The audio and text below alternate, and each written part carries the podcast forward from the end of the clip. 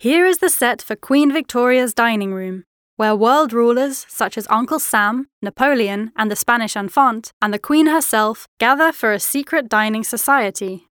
No fish and chips, cheddar, or pudding aboard this Queen's steamship. Only the rarest animals threatened with extinction find their plate on this table, giving rise to recipes such as dodo a la orange and panda face fritters to satisfy these fearsome guests. The film Pirates An Adventure with Scientists gave directors Peter Lord and Jeff Newitt an opportunity to feature a truly wicked villain. Under her cream puff airs, Queen Victoria turns out to be an incredibly nimble swordsmaster.